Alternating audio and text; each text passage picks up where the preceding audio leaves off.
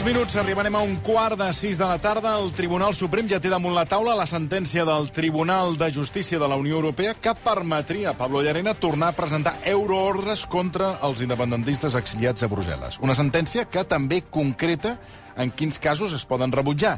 Per això l'advocat de Carles Puigdemont, Gonzalo Boye, insisteix que Llarena està en un carreró sense sortida. N'ha parlat aquest matí al Món Arracú.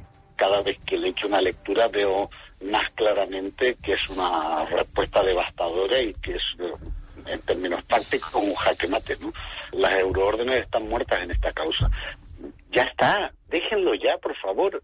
No sigan haciéndole daño a la justicia espanyola. Sigui com sigui, de moment el magistrat Llarena no s'ha mogut i veurem si en els pròxims dies decideix reactivar l'ordre europea de detenció de Lluís Puig. D'aquestes i altres qüestions en parlem tot seguit amb el periodista i escriptor Ernesto Icaizer. Ernesto, bona tarda. Molt bona tarda, Toni. Què tal, com estem? Bé, bé, molt bé. Bueno, se'l veu, se'l veu bé. Avui que el puc veure, se'l veu bé. Que avui, eh, bien, avui bien, nos falta la tele, nos tiene que poner una tele, Toni. bueno, ya la pediré, a ver si hay presupuesto. Ya sabe que en aquesta... Digámosle a Javier Godó que, hombre, que merece la pena. Pues ya, ya, ya, ya, li, ja, li faré, ja li faré saber, ja li comentaré. Ernesto Gonzalo Boella assegura que la sentència tindrà eh, un efecte... Bueno, a banda del que hem escoltat, que està en un carreró sense sortida, diu Gonzalo Boye diu uh, un advocat de les parts, que aquesta sentència tindrà un efecte dominó i que també permetrà que s'anuli la sentència del procés. Uh, a veure, vostè realment creu que um, es pot arribar fins a aquest punt, amb aquesta sentència? Bueno, yo creo que esta sentencia sin duda es muy importante. Es muy importante porque eh, abre en el terreno de las euroórdenes una jurisprudencia nueva, Y, de ahí la importancia cuando hay un, digamos, un nuevo precedente que va a jugar ese papel en adelante con las euroórdenes, hay que valorarla como una sentencia, una respuesta a Yarena que tiene carácter histórico. Yo creo que a Yarena le ha salido el tiro por la culata. Creo que ese es el titular. Eh, creo que Boye ha conseguido una cosa muy relevante con estas respuestas a Yarena, y es ampliar el foco de lo que es el tratamiento de una euroorden. Digamos, eh, yo dije ya en alguna ocasión que Yarena, con su comportamiento reaccionario y su comportamiento, su interpretación ultraderechista de la ley, estaba provocando en Europa una respuesta de carácter revolucionario. Quería decir con esto que cuando el tribunal belga rechaza la extradición de, Luis Puig, en base a considerar que el tribunal español que, quiere juzgarle no es competente y por tanto que el tribunal español que ya ha juzgado a los condenados no es competente y a los que falta por eh, juzgar no es competente, eh, está tratando un tema que es tabú en España. Y este es el origen de toda la historia. ¿Por qué? Porque lo que aquí se discute es un artículo fundamental de la Constitución que es el juez predeterminado por ley. Y el juez predeterminado por ley es el que está eh, llamado a enjuiciar eh, este y cualquier otro tipo de caso. La violación del artículo 24.2 eh, del juez predeterminado por ley, digamos, lo que hace es realmente cuestionar el enjuiciamiento y el tribunal. Entonces, Bélgica, en el caso de Luz Puig, planteó el tema de la competencia. Y ahora lo que plantea el Tribunal eh, General de Justicia es que el tema de la competencia se puede plantear.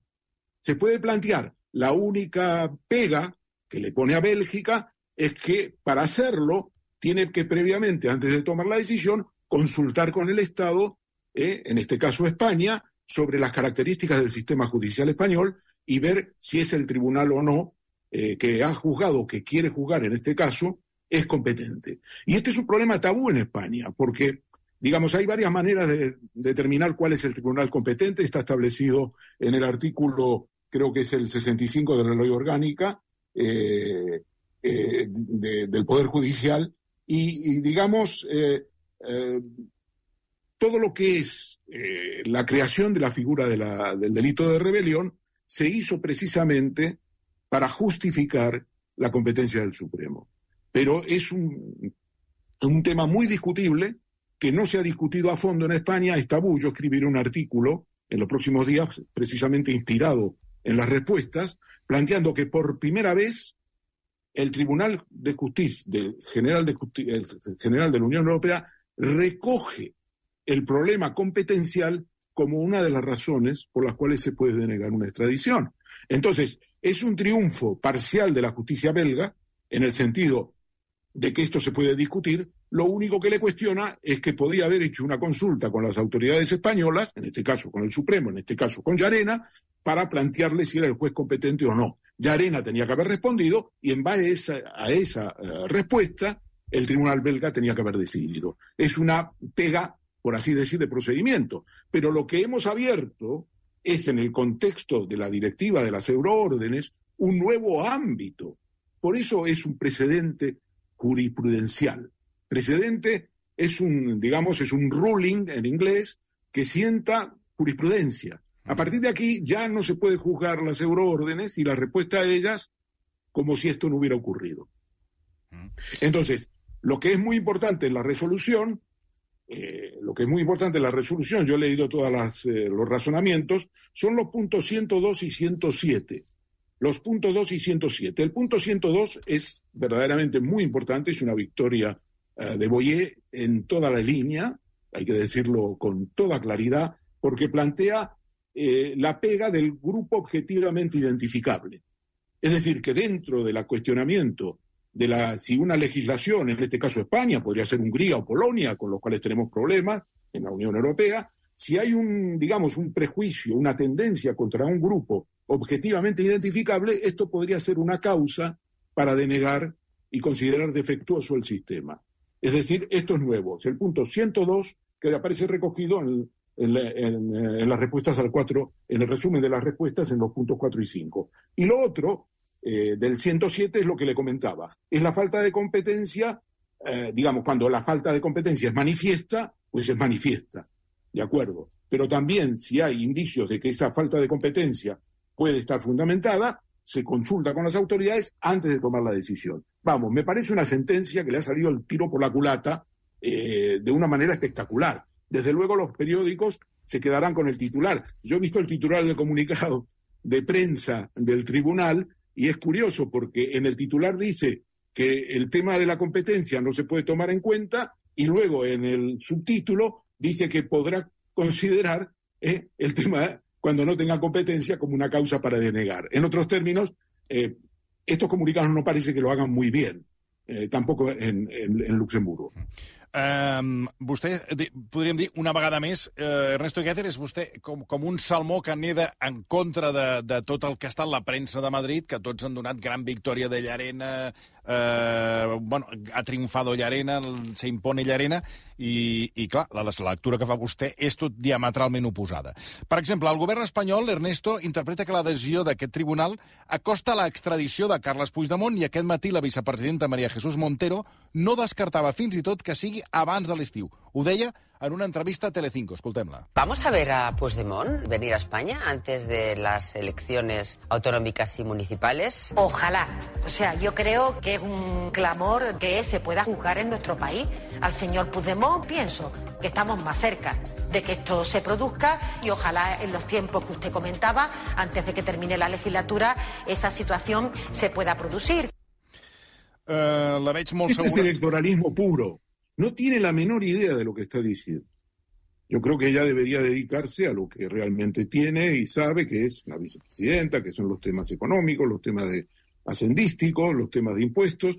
No tiene la menor idea, es pura propaganda electoral y está dirigido al electorado en Andalucía. Ella es andaluza, como usted sabe, uh -huh. ¿eh? y entonces está hablando y además con, con, con un estilo muy propio de eh, destacar ante su público, el público de Andalucía, que, y, esto es muy negativo, Tony, porque eh, los prejuicios contra el independentismo artificiosamente creados y a la luz de todo esto solamente generan más división en la nación, en una nación que es una nación de naciones.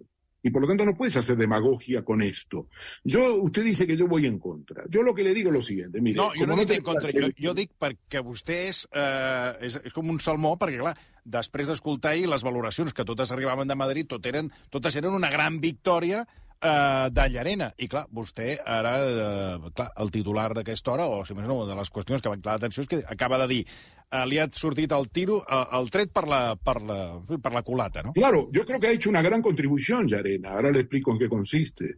Pero yo tengo mi libro, que no, como no estamos en la tele, nadie puede eh, acusarme de, de ser eh, de, de hacer propaganda. Pero yo en mi libro introdu eh, Bueno, incluyo un- un anexo documental Expliquem de quin llibre parlem, perquè han escrit tants que ja... de Cataluña año cero. Per això li dic, que aquest és el... todo el análisis del proceso, de lo que pasó, las, eh, eh, yo reconstruyo lo que fue la reunión del 25 de septiembre, cómo termina eh, en Cataluña, en la Generalitat, y luego pues pongo un anexo que se dedica a este tema. No es un tema nuevo para mí, porque yo conté cómo salió el tema del Tribunal Supremo. Eso fue en una reunión informal donde Fidel Cadena, uno de los fiscales, eh, dijo literalmente, yo lo pongo en el libro, yo no sé si será una ocurrencia, pero si es rebelión, la competencia podría ser nuestra. Y hubo otros fiscales que dijeron que no, que el tema era un tema que debían juzgar los tribunales donde habían ocurrido los hechos. Es decir, es la forma de juzgarlo. La- el tribunal donde ocurrieron los hechos es el juez predeterminado por ley. Y por lo tanto debía ser juzgado ahí. La figura de la rebelión fue una construcción, una ingeniería jurídica, porque como no se podía llevar el tema a la Audiencia Nacional, porque tampoco la Audiencia Nacional era competente, y entonces se utilizó la ingeniería jurídica para radicarlo en el Supremo. Pero eso es lo que está mal, eso es una maniobra, y este tema no se ha discutido salvo por Bélgica. Pero ahora que Bélgica lo ha introducido y que el Tribunal General de la Unión Europea ha dicho que esto puede ser analizado, ahora ya lo puede ser cualquier país. Esta es la historia. Es decir, le ha salido la tiro por la culata y esto es lo bueno que ha hecho Yarena. Al hacer esas preguntas ha permitido que ahora ampliemos el foco. Y ahora el debate sobre la competencia española puede seguir adelante y no sé, Boyer ya dice que eso va a terminar, yo no lo sé, pero lo que sí sé es que esto ya no es más tabú. Um, de moment Llarena no ha mogut fitxa. Quan creu que la mourà, la fitxa, Llarena? Bueno, yo creo que Yarena tiene la posibilidad de actuar con cautela ahora y de esperar. eh, en un par de meses estará la resolución del Parlamento Europeo. Esa resolución, hay expectativa en el Tribunal Supremo de que puede ser favorable, en el sentido de que le quiten la inmunidad a, a Puigdemont y a Ponsatí y a Comín. Eh, entonces puede esperar, puede no precipitarse y mostrar una cierta sensatez, ¿eh? porque la, la película es la siguiente. Si él hace una nueva orden, euroorden a Bélgica pidiendo la extradición de Puig, pues Bélgica iniciará el procedimiento que ahora le están aconsejando en la nueva resolución. Dirá que tienen elementos para pensar de que el Tribunal Supremo no es el competente y entonces le plantearán a Llarena, eh, oiga, fundamente usted eh, porque es competente. Y entonces abrirá ahí probablemente una consulta con técnicos y se abrirá el debate de la competencia. Muy, pero muy interesante. El foco se ha ampliado. Sí, sí.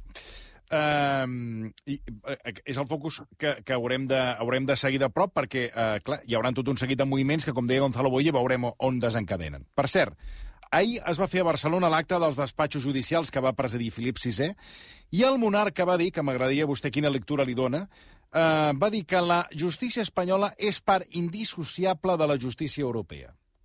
Quina lectura fa amb aquestes uh, paraules del monarca?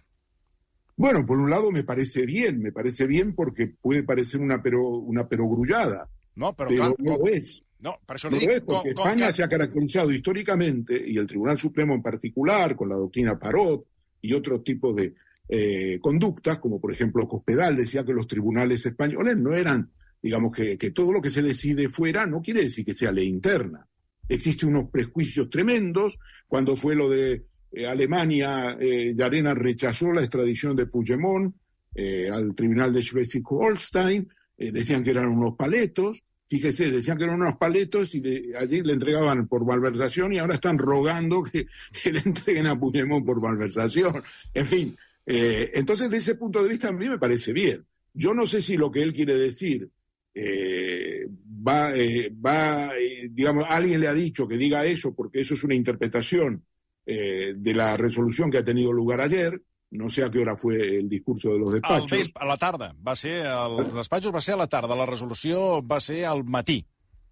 Por eso, la resolución, por eso el discurso fue posterior. No sé si alguien le dio digamos, le, dijo, le, sugirió que genéricamente hablara de eso porque interpretaban que las respuestas del tribunal a Yarena eran positivas para Yarena y él intenta venir a decir hay que respetar a Europa y yo creo que estamos todos de acuerdo. Hay que respetar, mucho antes de esta resolución, hay que respetar a Europa, pero empecemos por respetarlas en el Tribunal Supremo Español y en los tribunales eh, españoles porque hay una gran campaña nacionalista contra los tribunales europeos cuando no les gusta lo que les dicen. Es el caso de Uriol Junqueras, es el caso de muchas resoluciones.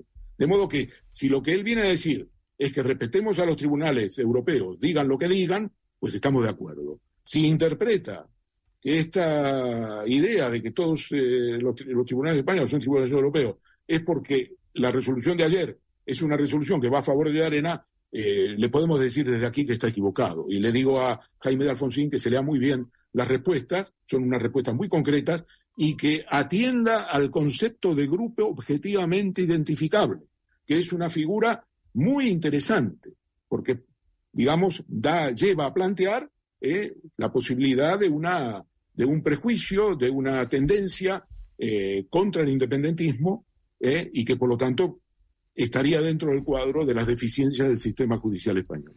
Allò que deia de vostè, de, que Ernesto Cácer neda com un salmó contracorrent, avui vostè ens volia parlar del rei emèrit, perquè eh, han, sortit, han sortit tot un seguit d'informacions que alguns eh, re, re, o sigui, retuitegen i alguns repeteixen sobre la suposada voluntat de, del rei emèrit de fixar la residència fiscal als Emirats Àrabs, on viu des de l'agost del 2020.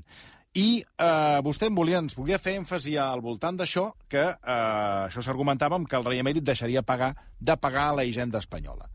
Expliqui'ns eh, què hem de tenir en compte amb aquesta informació al voltant del rei emèrit. Sí. Eh, una, una persona muy vinculada al gobierno y que estuvo familiarizada con los trámites que yo consulté, con los trámites eh, de salida del rey de, emérito de España en agosto del 2020, eh, me escribió un mensaje cuando eh, se comentó este, el fin de semana, el viernes, el tema del, domicilio fiscal, y me puso, por ser de la persona que viene yo le doy mucha importancia. Se ha ido definitivamente y sin honor ninguno. Y entonces yo, a raíz de esto, puse un tuit. Digo, bueno, en realidad el honor lo perdió, por lo menos cuando decidió en 2008 no decirle a la Hacienda Española que tenía 100 millones de dólares, 64,8 millones de euros, que le había mandado, según él, de regalo el rey saudí Abdulaziz.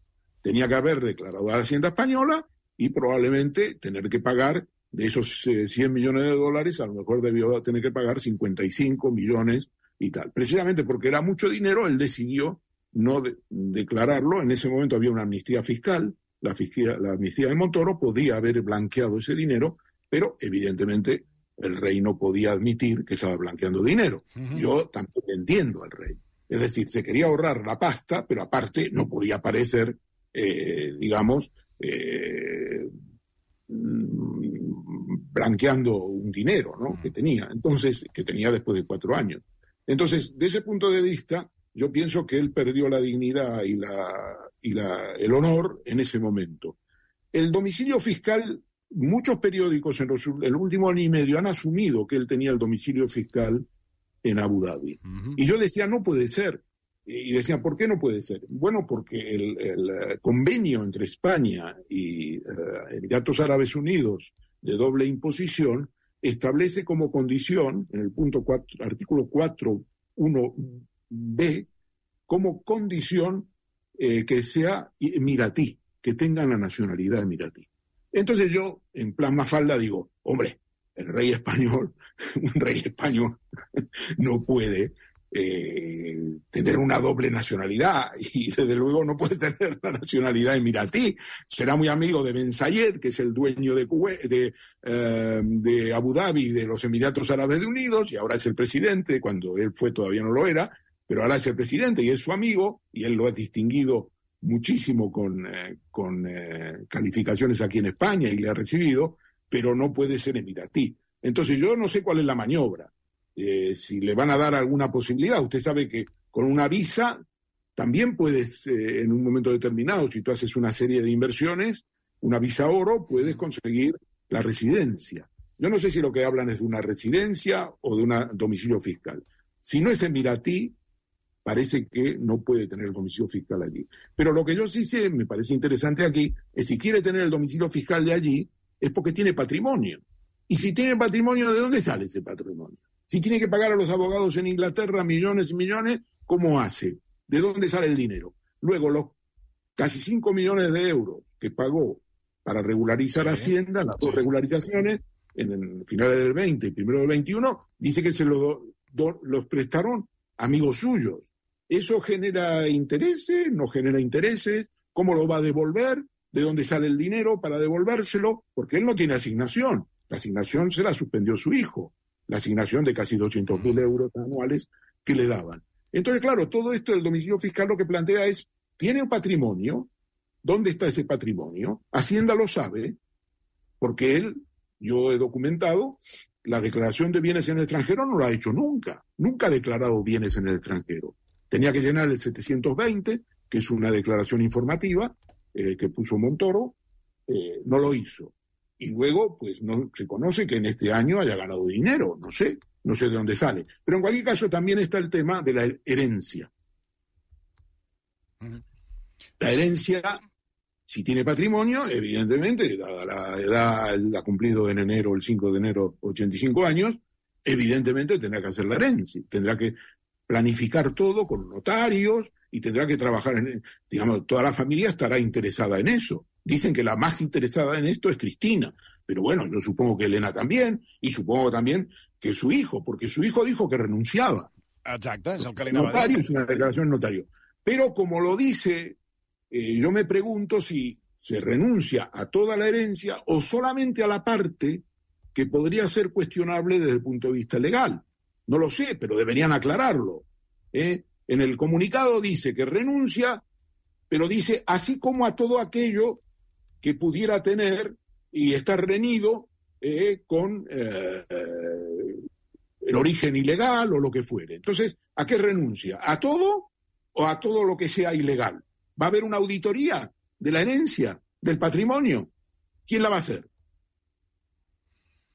Em sembla que de totes aquestes preguntes ara mateix no tenim cap resposta i dubto que es faci tot el que vostè diu al voltant de l'auditoria i de tot això, que eh, ho poso... Realment ho veig, ho veig molt, molt difícil. Usted és muy escéptico. Sí, i, i normalment no, no vaig molt desencaminat, eh, miri que li dic, eh, amb l'escepticisme eh, eh, que ens envolta. Ernesto, també ens volia parlar d'un àudio al qual ha tingut accés i que va avançar dissabte al fax de 8TV, on recull una conversa entre l'excomissari Villarejo i Baltasar Garzón.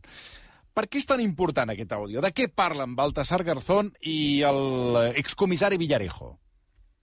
Bueno, hablan de muchas cosas. Es un audio de 30 minutos exactamente, que es lo que dura una reunión que tiene lugar en el despacho de Garzón, en la calle Menéndez de Pelayo de Madrid. Eh, Villarejo va allí porque Garzón está haciendo algunas gestiones para él. Se ve que está ayudándole, haciendo de abogado, lo que sea. Eh, yo hablé con Garzón sobre esto, estuvimos en una larga reunión, precisamente por mi libro, yo estoy escribiendo un libro sobre Villarejo y todo ese caso. y entonces eh, luego le ofrecí escuchar esa cinta de común. Garzón me dijo que no, que no quería escuchar cintas porque eso era dar lugar a, de alguna manera, a aceptar, eh, digamos, conversaciones que podían tener un carácter delictivo y tal. Y bueno, por lo tanto, no, conmigo no la escuchó. Si la escuchó porque le ha llegado por otro lado, no lo sé.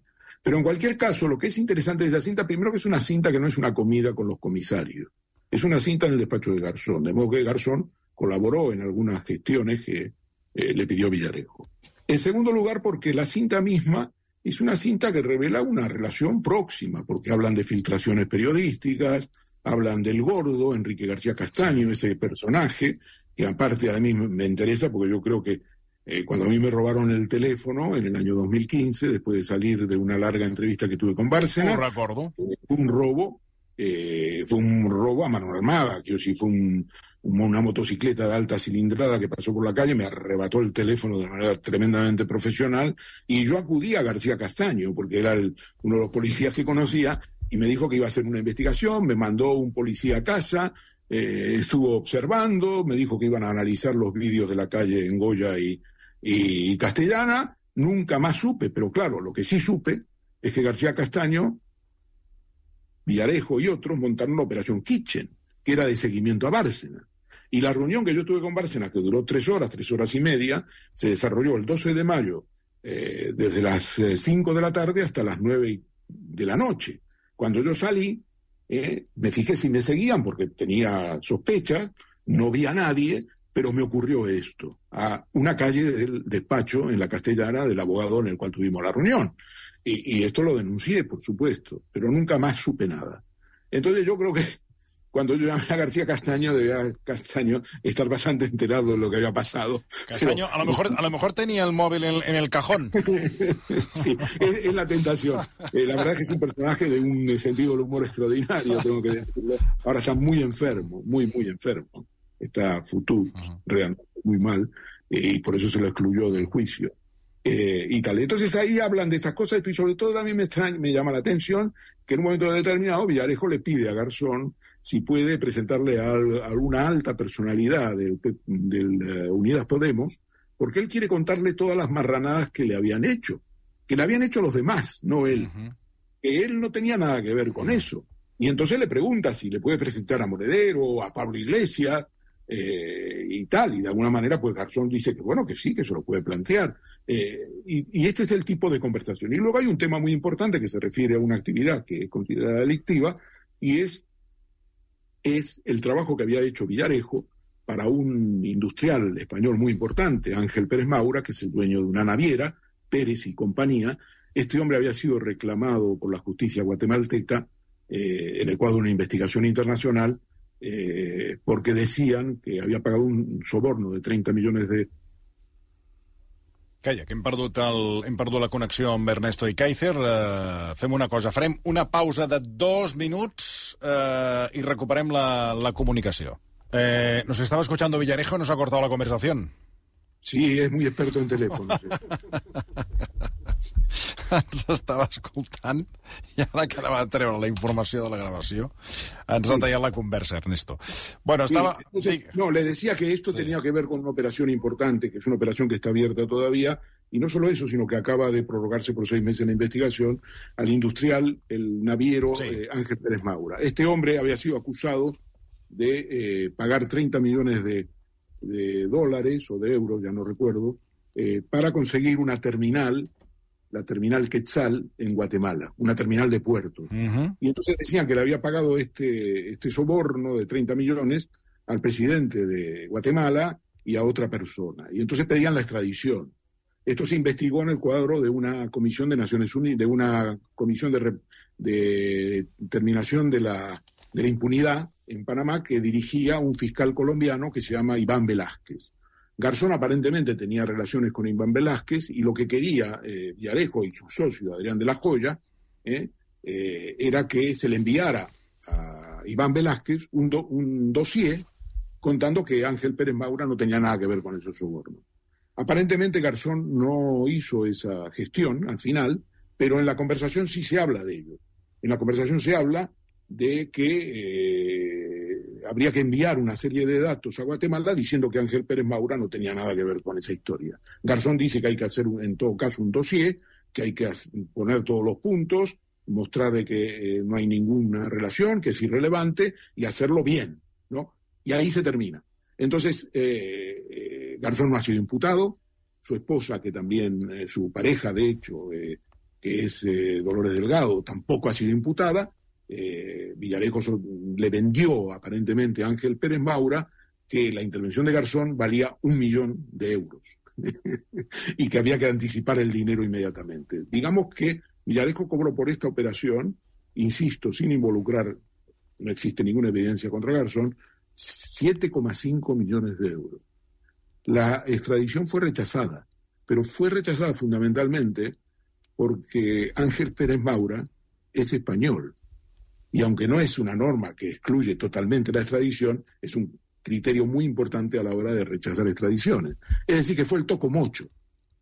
El Villarejo le hizo el toco mocho y se embolsó los 7,5 millones, utilizó el nombre de Garzón, al que llamaba el mago, el mago lo va a arreglar, el mago lo va a arreglar, y al final rechazaron la extradición, pero resulta que la razón no fue por lo que hizo Villarejo. El mago és Villarejo, Ernesto, eh, que de res... El mago Villarejo. Sí, sí, de res es treu eh, 7 milions d'euros d'una gestió que, que pràcticament, bueno, que aquí ningú va participar, per tant, el que la va fer i es va posar els diners a la butxaca és eh, Villarejo. És, ell sí que és el mago, el, és el, el mago fi, d'altres terrenys, en aquest cas que serien de les clavegueres de l'Estat. Ernesto, un plaer saludar-lo, el veig en una extraordinària forma. Moltíssimes, moltíssimes gràcies. Gràcies. Una abraçada, Adeu. Ernesto. Fantàstica aquesta darrera història de, de Villarejo, que entre un i l'altre es fot a la butxaca 7 milions d'euros.